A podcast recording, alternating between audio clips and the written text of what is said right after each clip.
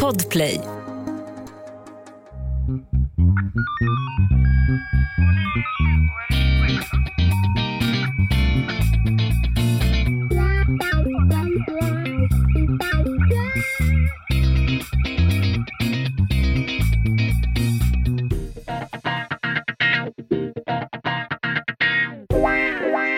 Välkomna till veckans spaning med mig, Anna Jinghede. Sen har vi Lena Ljungdahl och Meta Broddare. Vilken fake-gladma du drog till. Gladma. Ja, ja, ja det, var, det var faktiskt lite fake. Ja, Men ändå. Det pågår ju ibland saker, så att säga, i kulisserna innan vi trycker på räck. Mm. Och du hade som en liten eh, topplocksavgång ja, det, som det heter. Ja, så skulle man kunna formulera det. Men nu har jag mm. intagit mm. någon form av förlossningsposition här ja. i min garderob. Jag ser dig, så att säga... Jag, jag tror du, du tittar att, rätt att upp i Hammarby sjöstad nu. Kan jag om rätt upp i bäverhyddan. Jag får någon sån förnimmelse av att undra om det är så här gynekologer känner sig på jobbet. Ja, det är nu vet. jag säger till dig, om du bara kan sjunka lite längre ja, ner. Glid ner lite, Kom lite, lite grann med käften. Lite, lite. Jaha, det är måndag, Anna. ja, det är verkligen en måndag idag. Mm. Mm. Och då betyder veckans spaning, det mm. betyder mm. att vi inte ska prata krim utan att vi ska lyssna på vad Broddan har att ge oss. Och på eh, torsdag så, så blir det ju omgång två av hot, våld och konflikthantering. Det blir kul. Du, det kommer bli jätteroligt. Jag måste säga att jag lyssnade igenom hela eh, avsnittet när det var klippt och innan det eh, publicerades. Så att säga. Mm. Jag tyckte det var ett skitbra avsnitt. Jag lärde mig massor med bra saker. Ja, ja det kändes lite annorlunda när vi poddade sist. Det var mer så här diskussion, resonerande å ena sidan och andra sidan. Mm. För det mm. finns ju när det kommer till mänskliga beteenden väldigt sällan så här raka eh, rader mm. med eh, fakta, utan det blir ju så här, vad tror du? Eh, och lite nyanser och så där. Och det, så kan det väl få vara? Ja, verkligen. Ja, det var bra. Mm. Ja, och på torsdag kör vi som sagt igen, men innan dess så går vi emellan med en liten floss, som du brukar säga. Ja, precis. Och jag ber nu till dig, Meta, mm. min älskade metabroddare, ge mig för tusan något lätt något lättsmält. Lättuggat. Ja. ja. men du, var ju, du är ju lite så halvstingslig och lack idag så det är nästan så att jag sitter och hoppas på motsatsen, att det kommer något ja. riktigt alltså, du är, Det finns en sida av dig, Lena Ljungdahl, som jag skulle vilja ja. bara knövla ihop och slänga på dig som ett litet... Jag vet inte vad. Nu känner jag mig som hon Giffen. Hon som står och lilla ungen som är så... Med borsten? Med borsten, som står och hytter ja. med borsten. Vilken sida är du känd så med av mig? Den här när Utveckla du... gärna. Den här när du gärna, när man redan befinner sig så att säga lite i ett eh, så här, underläge, ja. gärna trycker till lite grann, lite extra, ja, bara för men... att så här, påminna lite om att du... Nej, men vet du just vad, nu är Anna, du jag, inte jag... ditt bästa jag. Nej, jag fattar. Men vet du vad jag tror är som triggar mig där? Det är ju att du har ju en sida som irriterar mig lite.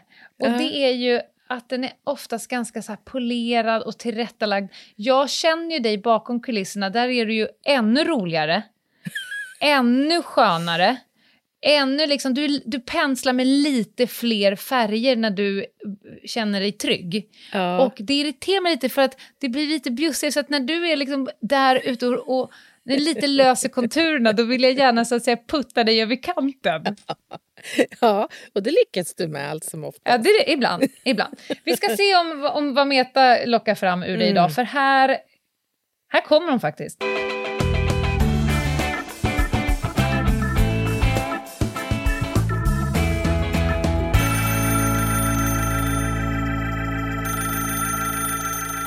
Välkomna alla idag. Eh, vad roligt att ni kunde komma. Druckit eller? Eh, då ska jag ta och presentera den personen som ska komma och föreläsa för oss idag. Vi har metabroddare här. Låter helt som ska berätta för oss om PDV. Pågående dödligt våld. Och ja, det är ju ett ämne som är ganska tungt. Men jag tror att det kommer att bli en bra eftermiddag med mycket bra kunskaper. Det ska bli jättespännande att höra vad Meta har att berätta för oss. Eh, varsågoda! Så lät det för några gånger sedan när jag var på, låt säga, förskolan Grynklockan och eh, utbildade personalen i PDV. Eh, Grynklockan heter i verkligheten någonting annat. Men den personen som då introducerade mig för, för personalen i, i det här auditoriet som vi befann oss i på gradängerna var eh, rektorn. Och eh, rektorn hade alltså att presentera mig för auditoriet och det bestod av eh, personalen. Vuxna människor som mm. arbetar i förskolan och skolan som det här var frågan om. Och eh, hon adresserade med andra ord de här personerna och mig som om vi vore fem år gamla och behövde den här informationen på lätt och entusiasmerande svenska. Gud, så, så, det hände. Eh, vi var inte fem år gamla. Vi var pedagoger och eh, andra människor som har en högskoleutbildning bakom sig. Och eh, kan absolut klara att bli tilltalade som helt vanliga vuxna människor. Men det gjorde inte den här rektorn. Och det här är någonting jag har stött på förr. Mm. När vuxna människor mm. talar till andra vuxna som om de vore barn. Och det har hänt fler gånger. Det här är en väldigt eh, empirisk liten studie på ett ganska litet urval. Men studien jag har gjort gör gällande att det här rör sig mest om personer som arbetar inom skolan och förskolan. Där kan det låta så här mm. oftare än annat. Och jag har en tes för första gången under alla de här mm. spaningarna om att det kan vara så att människor kan fastna i sitt jobb. Alltså att det man gör på jobbet kommer också att bli den man är i, i alla mm. andra situationer, både på, i fritiden och i arbetet, oavsett vad man är. Eh, och det är därför som det skulle kunna låta när en eh, flygvärdinna ska beställa pizza till exempel, så ringer hon upp och säger då skulle jag vilja ha en capricciosa och på den så skulle jag vilja ha lite extra fetaost och om det skulle kunna gå bra så skulle vi kunna tänka oss en Cola light. Tack så mycket. jag vet inte om det här är så, men det skulle kunna vara så. Och jag undrar nu om ni skulle vilja vara så vänliga att spana lite grann åt mig på andra yrken som människor fastnar i och därför låter som det jobbet vad de än gör. Även om det är privat eller om det kanske skulle kunna vara när de är på ett nytt jobb än det de har blivit. Ja, det skulle vara jättespännande att höra det. Tack så mycket! Välkomna! Hej då!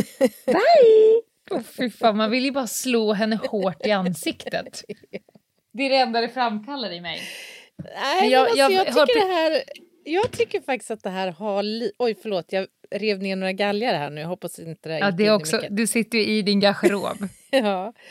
Alltså jag tycker det här kan ha liten charm. Jag tycker här, att det här är som en liksom fältstudie, en socialantropologisk fältstudie varje ja. gång det händer. Och jag kan så här, njuta lite av det. Jag tycker att det har ändå någon slags charm, detta. Jaha, utveckla. Vad Nej, men, är det i det som är charmigt? Nej men alltså jag, jag tror, alltså jag satt här och funderade på vad, vad det egentligen handlar om. Det liksom är att du har den här personligheten i grunden och sen får det dig att välja ett visst yrke eller om det faktiskt är tvärtom, att du väljer ett yrke som sen mm. formar din personlighet. Jag, jag, är inte helt säker där, men jag kunde direkt erinra mig flera såna här exempel. Jag minns, jag gick ju, vi gick en sån här föräldragrupp, du vet, som var liksom legio. Ja, det var vidrigt. Men det var ändå något. Vi, det här har ju, har ju folk pratat så varmt om. Vi måste ju ändå testa. Och oh, där Gud. var det en, en kvinna som eh, skulle föda ungefär samtidigt som, som jag. då. Och Hennes man var militär. Och, och på ja. de här föräldragruppsmötena så fick man ju ibland lite så här breakout-uppgifter. Eh, alltså man skulle lämna den stora samlingen i små grupper och prata lite grann om kanske förväntningarna kring födan. Nej men ja, jo, jo. Ja, men det var så. Karja. och då var ju då hennes man som sagt militär. Och det slog aldrig ja. fel och då räckte han upp handen. Ja, eh, Mattias, ja, tid för detta. Det var första frågan. Jag hemställer härmed om att få um, inmundiga eh, förplägnad ja. under oh, vår, eh, vårt samtal. Alltså, han var ja. militär i allt, liksom. Ja. I allt!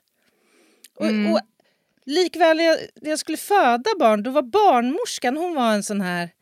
Anna, nu är det viktigt att du andas ordentligt. Var det farbror Barbro ja, som men du lite, födde med? Lite så här, som att hon liksom försökte då med allt vad hon var värd att så här, utjämna ja. alla maktskillnader oss emellan. Mm. Eh, liksom, Hela hon var feng shui. Komma ner på min nivå, liksom, få mig att känna mig lugn. Ja. Och det medförde då också den här lite farbror Barbro-aktiga rösten. Ja. Men antagligen hade det att göra med att hon hade det yrke hon hade, eller har tänker jag. Ja. Jag vet inte. Alltså, jag får ju lite eksem därför att jag upplever exakt samma sak som Meta. Vi kommer ju till otroligt många skolor och förskolor och ska just utbilda personalen i worst case scenario, alltså vad mm. de ska göra om det kommer in en person och börjar hugga ihjäl människor. Och jag tror att om man har en sån där röst så tror jag min tes är att det, den levlas ännu mer när de har ett hav av eh, förskolepedagoger framför sig som de som arbetsgivare också har eh, arbetsgivaransvar eller personalansvar för och nu ska de snart få eh, lyssna på en tre och en halv timme lång föreläsning om någonting som är otroligt tungt, då tror jag att deras tillgjorda röst blir än värre. För de ska försöka tryckutjämna eh, men, men, men mörkret. Att, ja, men du menar att den är tillgjord? Jag är inte så säker på att den är tillgjord. Jag tror att det kan många gånger vara din, en, en människas personlighet. Jag tror inte alls att den alltid är tillgjord. Men, är, ja, men, men att prata med en vuxen människa som om den vore eftersatt, eh, ett barn eller någonting annat, det är ju inte så att säga normalt. Eller? Det är ju inte friskt. Nej. Nej jag, jag, kanske... Om, om du och jag skulle prata med varandra, om jag bara säger jag har det som person. Anna, nu så ska du ta fram poddutrustningen och den ska du lägga på bordet. Ja. För att det som kommer hända närmsta två timmarna är att du och jag kommer tillsammans spela in ett poddavsnitt. Du hade ju kastat micken i huvudet på mig. Nej, men alltså... Även om det är av min, del av min person. Eller? Jag gick Nej, alltså jag gick en polisiär utbildning en gång som var ganska lång. Och, och en av administratörerna där hon pratade så. Jag tyckte hon var helt ljuvlig. Hon var ja. liksom avväpnande. Hon, visserligen signalerade hon alltid lite att hon tyckte synd om en på något sätt. lite så här. Och, men, men hon och det var du så på? Begärt, alltså hon var så ljuvlig som, som människa. Och jag, ah, okay. Hon pratade på exakt samma sätt med alla. Oavsett mm -hmm. det var en kollega, en student, en chef eller någon annan. Det är det jag menar. Så, vad är det som... Är det här en effekt av att du har... Om vi tar förskolepedagogerna då som ett exempel. Jag kan ju tänka mig att det kan vara ett instrument att lära sig att liksom kommunicera med barn på ett vettigt sätt. Det gäller mm. ju även barn. Ja. Många barnläkare jag jobbat med, många barntandläkare har lite samma så här, aura. Ja, men det eh, kanske funkar jättebra på fyraåringar. Ja, men jag tänker, är det så att de här människorna älskar sina jobb så mycket så att de blir sina jobb så att de sen inte ja. kan så att säga göra en distinktion mellan om jag pratar med, ja, med ett barn jag. eller en vuxen. Jag tror att det är exakt samma sak som militären. Ska vi också ta och prata om det finns en hel uppsjö av snutar som inte ja. kan... Som när någon i hemmet ropar så här “pappa” och så hör man i köket “kom”. Ja. Alltså, det, det, här är ju inte, vi ska inte bara kasta förskollärare under bussen, vi kan Nej. kasta 38 procent av poliskåren rätt in under bussen också, som ja. pratar med sina familjemedlemmar och kompisar med eh, ett, en nomenklatur och en ton mm. som egentligen bara gör sig hemma vid ordergivning. Men, Så det är inte, men jag, jag tror uh. att man blir sitt jobb, men det är någonting... Tänk att du står där bredvid, du ska snart själv prata med exakt samma eh, hav av människor. Mm. Och mm. du har inte tänkt att tilltala dem som att de vore tre år och hade up and go på sig, utan du hade tänkt tilltala dem som de vuxna, tänkande Homo sapiens de är. Och du har inte tänkt att ta ansvar för alla deras känsloliv. Då blir det ju någonting humoristiskt, för att jag har blivit mm. påad mm. likadant. Ja, och det blir sån rolig... Det, ja, ja. det blir sån rolig liksom clinch mellan och välkommen så får man en applåd så bara, ja men hej, Lena heter jag. Alltså det blir så otroligt stor ja, skillnad när någon ja. har, ja, det är den som blir humoristisk. Men det är väl förmodligen ett språk som går... Å andra sidan vet jag rätt många barn som gillar vuxna som tilltalar dem på, med en vanlig röst. Mm. Mm. Alltså som... som eh, Ja, till exempel har jag aldrig hört Meta göra till sin röst när hon har pratat med mitt barn. Och hon har ändå känt honom eh, mm. både när han var lite mindre och lite större. Och han har uttryckt, liksom, han gillar mig, vad är det med Meta? Men hon pratar med mig liksom som, en, som en person. Mm. Mm. Alltså det, mm. jag tror att det finns barn också som uppskattar att bli tilltalade på ett normalt mm. sätt. Ja men absolut, ja, men det, det är jag övertygad om. Men jag, tänk, jag sitter också här och tänker, för jag känner mig lite träffad när du, när du pratar om snutar som plötsligt pratar snutigt. Alltså jag kan ju märka med mig själv, igår träffade jag tio tandläkare i, en, i en, ett visst sammanhang. Mm. Och då fann jag mig själv direkt liksom byta terminologi och liksom vi pratade vårt språk. Liksom. Det, så här, det är lätt liksom att kliva in i ja. yrkesrollen och också växla mellan de olika. Och Jag skulle ju inte kanske nödvändigtvis kommunicera på samma sätt i rollen som tandläkare i mötet med någon som behöver liksom ett kanske lite mer lågmält kommunikationssätt. Jo, men det är det jag menar. Det är ju det där. Det är ju en tillgång att kunna växla, tänker jag. Ja, mellan. exakt. Och då är det ju en, en icke-tillgång att, att aldrig växla. Ja, men det är det som får mig att tänka att det kanske är så att vissa inte kan växla. Att Nej, det här faktiskt det kan vara grundat i en personlighet. Jag menar, jag, om jag återgår till, till käfteriet. Alltså jag har ju flera kursare som jag redan på grundutbildningen kunde säga de här kommer bli barntandläkare. Definitivt ja. blivande ja. barntandläkare. Och mycket riktigt så blev det också. Poddtips från Podplay. I podden Något Kaiko garanterar östgötarna Brutti och jag, Davva, dig en stor dos skratt. Där följer jag pladask för köttätandet igen. Man är lite som en jävla vampyr. Man har fått lite blodsmak och då måste man ha mer. Udda spaningar, fängslande anekdoter och en och annan arg rant. Jag måste ha mitt kaffe på morgonen för annars är jag ingen trevlig människa. Då är du ingen trevlig människa, punkt. Något Kaiko, hör du på Podplay. Därför är gardinerna. Man har ju suttit bredvid personer på typ bröllop. Mm. Och jag skulle kunna lägga alla mina besparingar på att du är en bilförsäljare. ja. Det är ett sätt. Eller säljare och räcker ju egentligen. Säljare, kringhattar. Ja, det ja. är liksom, de, de väver ju ofta in, liksom, var tredje, var fjärde ord ska ju vara något, något engelskt uttryck. Ja, just det. CEO. Som det finns alldeles... Ja, ja det ska Min vara... Key account. Exakt, det, det, finns ju utmärkta eh, ord på svenska men det ska liksom slängas med olika typer av sälj. Jag jobbar på corporate. Man mm. bara, ja du är på företagssidan eller? Eller? Ja, ja, just det. Och sen så har jag ett par av mina vänner som mm. jobbar som såna här um, aerobicsinstruktörer. Mm -hmm. Mm -hmm. Som, som på, på sin fritid låter exakt likadant. Alltså, jag har sovit över hos en av dem för inte så länge sedan och när frukosten serverades så gick jag upp i fucking maxpuls. Va? God morgon! Det är som att man bara så här, chilla nu för fan Gunilla, vi är inte 18.20 och vi är inte 40 minuter in i ett step-up-pass. Jag har precis vaknat. Du måste oh. tagga ner med det här, kom igen gänget, nu kör vi Men vad intressant, men vad tror du där då? Är det här, har du sett en förändring sen de blev aerobicsinstruktörer? Eller är det en, en personlighet eller en läggning som har funnits innan? Och de bara hittat Nej, sin jag, grej, där det, där det får fullt utlopp?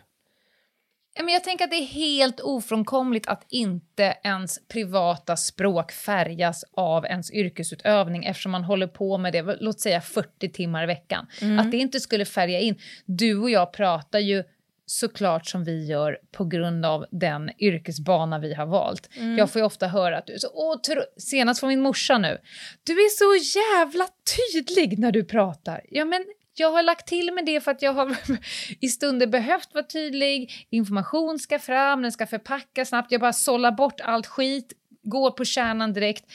Så hade jag ju garanterat inte pratat om jag efter gymnasiet hade eh, stakat ut min väg åt något annat håll. Sen har jag kanske också en fallenhet för en personlighet i grunden som färgar mm. det ytterligare.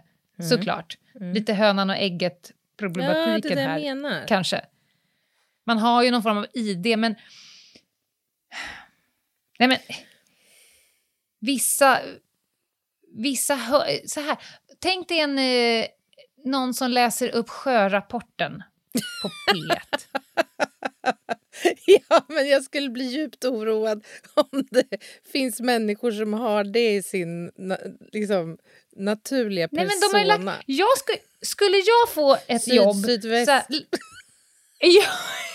Så ja, några kvarken, 1,2. ja. Nej men, jag tror ju då inte att man föds med en SMHI eh, eh, utan om man får det jobbet så finns det ju ett ID i hur man ska låta, precis som eh, när man gör en eh, summering för kvart i fem-ekot, alltså mm. den här mm, nyhetsuppläsarrösten mm. som jag kände en avsaknad av när jag var på en teater för några veckor sedan. Mm. Alltså det här är inte nyhetsuppläsare. Varför säger det? Den låter inte, den Just har inte en tonation som en nyhetsuppläsare. Men jag tror inte att SMHI-människan sitter vid, vid köksbordet och bara ge mig mjölken. Tack. Alltså, den har ju inte den, den, jag skulle bli otroligt förvånad om den pratar med sina barn på det sättet. Gud vad intressant, kan vi inte testa den där frasen med lite olika yrken? Hur menar du? Ja, Ge mig mjölken tack. Militären, hur skulle den säga? Ge mig mjölken, tack. Nej, det blir mer så här, mjölken hitåt. Tack. Alltså de byter ju gärna ordning på orden. Just det, just det. Man bör, Hemställer om Mjölk. Kom! Kom. Nej, men, Mitt åt, ge mig juicen. Jag inhiberar mitt önskemål. Mitt åt, ge mig juice, helvetet. Kom. Ja, visst. Och så sitter någon annan där då. Kan inte du vara gullig och skicka mig mjölken? Ja. Tack. Nu vill jag att du skjuter mjölken över bordet, till min sida av bordet. Man bara, vänta nu ska jag intubera dig med en blyerts igen. Du har redan dött tre gånger i den här måltiden. Nej men alltså, jag tänker, jag är lite inne på samma eh, bana här som du. Alltså, föreställ dig, det har jag själv upplevt, alltså att du ska träffa en överläkare med anledning av ett eh, lite knepigt sjukdomstillstånd. Mm. Du förväntar dig nu att någon med lite pondus kommer in, så som läkare mm. ofta ju ändå ja. gör i sin vita rock. De styr upp. Nu kom jag på en jättebra, eh, ett, jättebra exempel, tror jag. Mm -hmm, mm -hmm. Hear me out. Så du, du tycker sjukhuset. ditt exempel är mer intressant än det jag skulle dra? Nej, men det är Nej, okej. det är Kör samma ditt. sak. Det är samma sak, läkare och det här. ja, nej men vi tar ditt exempel. Det... Nej, fortsätt! Jag kommer inte säga det först du har fortsatt. Jag trodde du var klar. Jag tyckte det var supertydligt. Men du var inte klar. Kör. Nej, men i den situationen så hade jag en förväntan om vem som skulle komma in i rummet och liksom styra upp. Och istället mm. så kom det in en cowboy. Tjena tjena, hur är läget? Sparkar lite på sängen eh, som jag låg i. Slängde sig ner i, i stolen framför mig. Rocken satt på trekvart. Liksom, jag såg ett halvt eh, hårigt bröst. Det var liksom... Och det här, det här ska bli spännande, Anna. Nej, men... Tyckte du mer eller mindre om att han var så? Ja, men det sjuka är att jag älskade karln. Ja, Därför att Gud. i slutet av vårt samtal så insåg jag att han har ju precis fattat det. Han, ja. han ger bara uttryck för att vara direkt okunnig första tio sekunderna. Sen visar ja. han sin briljans genom att bara leverera. Ja. Mm.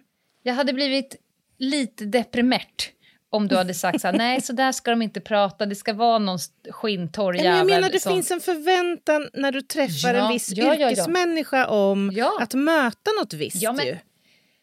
Det här, är det, det här jobbar jag ju med och mot varenda gång jag dyker upp någonstans. För jag vet att antingen så får jag dra mitt CV rätt av och stå och prata lite så här om jag vet att jag behöver fånga dem efter två sekunder för att vi kanske har en kort stund på oss. Mm, mm. Och ibland så låter jag dem gå igenom den här processen som du precis gjorde med den här läkaren. När du mm. först tänker vad fan har kommit in? Mm. Och sen när du inser nej men shit, han är, är liksom dubbelt så cool och bra. Och ja. har sitt, då, då har han ju fångat dig dubbelt så mycket.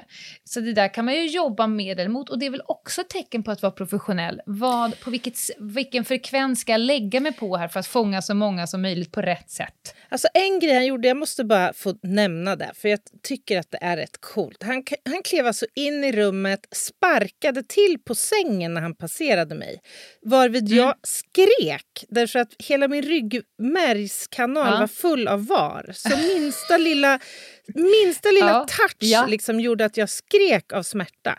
I slutet ja. av vårt samtal, han bara “Du kan vara helt lugn, jag har ställt diagnosen på dig. Det gjorde jag när jag sparkade i sängen på väg in. Jag förstod att du hade en spondylodiskit. Det, då, då, brukar jag mm. göra sparka i sängen-testet. Mm. För då vet man, om patienten skriker som du gör, då, mm. då har man en diagnos. Ja. Det är ett geni. Det är ett geni. Jag har varit i ett rum med Meta när hon, innan hon skulle göra den här, samma ryggoperation som du har gjort. Mm. Då sa läkaren i rummet så här, sitt på den här. Så fick Meta någon form av, som vi båda tolkade som att hon skulle få för att hon, för den skulle hjälpa henne. Mm. Eftersom hon hade så jävla ont i ryggen. Och sen typ så här, tio minuter in i samtalet så såg jag hon var typ grön i ansiktet och så här, reste sig bara, jag kan sitta på den här. Då tittade läkaren på klockan bara, tio minuter, ja det är korrekt, då har jag gjort diagnosen. Alltså den har mm. gett henne kudden och tagit tid på hur, lång, hur länge hon står ut. Och sen så utifrån hur lång tid det mm. tog så har den här läkaren fått en del av sin... Det är mm. smart! Mm. Mm. Men det jag skulle säga var att jag var på ett sjukhus en gång med en eh, nära familj till mig som var väldigt drabbad av ett sjukdomstillstånd.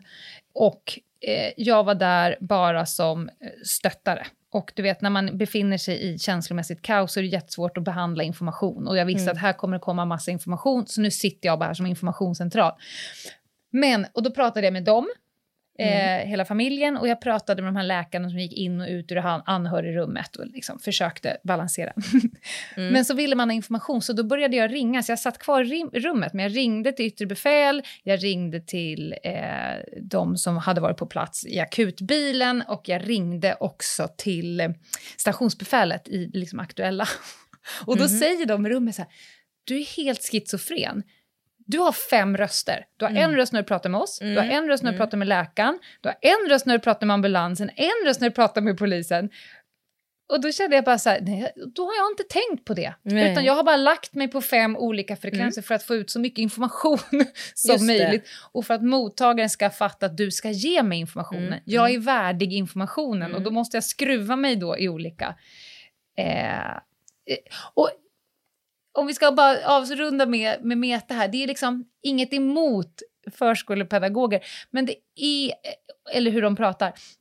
Men de gånger, jag har ju lite svårt när människor pratar med vuxna människor mm, som, som barn. och barn, ja. med mm. gamla människor. Det kan jag också bli lite förbannad på mm, när folk mm. pratar med gamla med. människor som att de är ointelligenta. Ja. Eller, eller undan, ännu värre. Berit! Berit, skulle du önska en kaka Behagas det en kaka? Ja, men, och li ja. lite för högt, lite för ja. långsamt och sen ja. prata med henne som att hon har tappat sin hjärna. Eller ännu värre, som jag har upplevt i min nära krets. Att man undviker att ta upp besvärliga frågor eller det som kanske egentligen handlar om en konflikt eller meningsskiljaktighet bara mm -hmm. för mhm. att mottagaren råkar vara gammal. Ja, då är man diskad? Och, och... Ja! Nej, men Aha. vi ska inte besvära henne med det. Hon är så gammal. Ja, men hon har väl en hjärna fortfarande?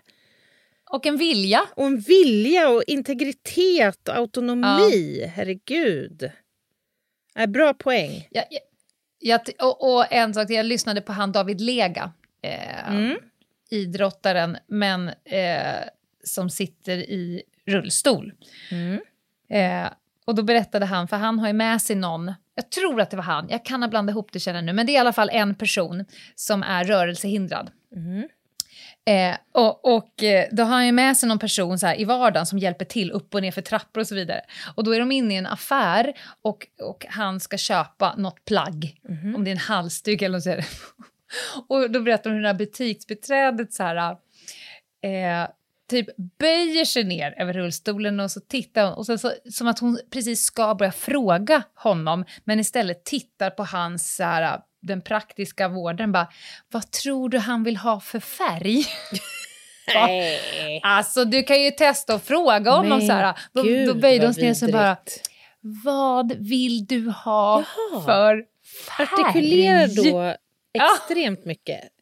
Som om vederbörande ja. vore liksom både hörselnedsatt och... Ja, exakt. Allt, allt. Ja, nej, men eh, det är nog lätt att fastna i, sina, i sitt yrkes-id, men vi kan väl konstatera att man kanske träffar rätt fler gånger om man funderar på vilka mottagarna är av informationen som ska få den. Ja, men det tror jag ju generellt är viktigt. Och samtidigt så här, det, man, man, jag tycker man ska också uppmuntra till att testa en annan linje. För att det kan ju bli succé det också. Jag tänker på när du ja. flög häromdagen till exempel. Då fick mm. du lyssna till ja. en eh, flygvärdinna som inte alls hade den traditionella säkerhetsgenomgången på, på det här till höger ser ni över nej, vingen, nej, nej. bla bla bla. Utan som lyssnar. hade en helt annan approach och där plötsligt alla lyssnar. Så det handlar om att våga kliva ur sin komfortzon lite grann. Ju. Men gud, jag kanske ska köra min nästa tre timmars föredragning om terrordåd på, med förskolerösten. På bebisspråk? ja. Det här är ett bombbälte. Alla säger Förstår efter ni? mig. Bombbälte. Gud, så makabert. Nej. Ja, Nej, Intressant. Men ett helt annat poddavsnitt borde ju rimligen vara vad som formar en så i ett visst yrke. Alltså kulturen som ett yrke ja. liksom kommer med är ju otrolig egentligen om man tänker efter. Alltså, jag har ju suttit hundra gånger i podden och pratat om det här att det är så lätt inom det polisiära att liksom formas till en viss eh, mm. personlighetstyp och yrkesperson men att jag minsann har gjort motstånd. Men till syvende och sist så är det nog inte så. Alltså att man formas vare sig man vill det eller såklart. inte. Ja, det är såklart. Och, att du behöver och det kanske man måste. Mm. Ja, men tänk om inte en förskollärare hade formats in i en röst som är adekvat för sin uppgift. Det hade blivit jättekonstigt. Mm. Men, man, men jag bara efterfrågar det här glidandet in och ut ur, mm. ur rollen. För att alla vuxna gillar inte att bli tilltalade som en treåring. Nej, och jag tror inte nödvändigtvis att barn heller behö behöver Nej, få en uppmaning med en röst som gestaltar ens egna. Ett barn kan ju ta liksom, eh, kommandon av en röst som är vuxen också, så att säga. Det... Apropå blivit färgad av sitt jobb. förvirrande för det här barnet. Bara, här är en person ja. som pratar precis som mig som är fyra år men som ser ut att vara hundra år gammal. Det är ganska förvirrande ändå om man tänker efter. Mindfuck på ja, ja. ja. ja. Varför pratar den skrynkliga tanten som en bebis? Ja. Precis. ja. ja. Äh, kul spaning ändå. Kul spaning. Och jag eh, började verkligen fnissa när Meta sa för att eh, jag, jag, min, hon hade en tes, jag tror den stämmer, och min plustes blir att jag tror att de, när de vet att man ska prata om ond, bråd död, försöker ännu mer göra det lindrigare genom att låta ännu mer avväpnande. Det är min egen teori. Mm-hmm. Mm. Ja, det är klart. det skulle ju vara... Ja, idag välkomnar vi Lena Ljungdahl. Hon ska prata om ond, bråd död. Det blir död i tre och en halv timme här nu. Eh, lutar tillbaka. Eh, varsågod Lena. Nu åker vi. Golvet är ditt. Kära publik. alltså det är klart. Du kan ha en poäng där. Faktiskt. Ja. Äh, nu ger vi oss. På torsdag ja, det blir det i alla fall eh, konflikthantering, konfliktkunskap, förhandlingsmetoder, våldsdeeskalerande nomenklatur och allt Oj. däremellan. Mm. Ah. Fasen var vilket eh, köttigt avsnitt. Ja, de kommer lära sig allt man kan göra om man väldigt snabbt vill göra någon jävligt lack. Det kommer Oj. torsdag. Det kan man ju vilja ibland. Det, det har hänt, absolut. Mm, det, det, har hänt. Mm. Vad gör man tills dess, Anna? Ja, men tills dess så tycker jag att man ska slira in på Instagram på Ljungdahl och Ginghede. Och det går bra att mejla oss också på hej och ginghede.se. Det där gjorde du med bravur. Vi ja. hörs på torsdag. Det gör vi. Ta hand om er. Hej bye, bye. Eller jag menar, hej då allihopa. Så ha det så bra. Ha det bra. Puss, puss. Bye, bye.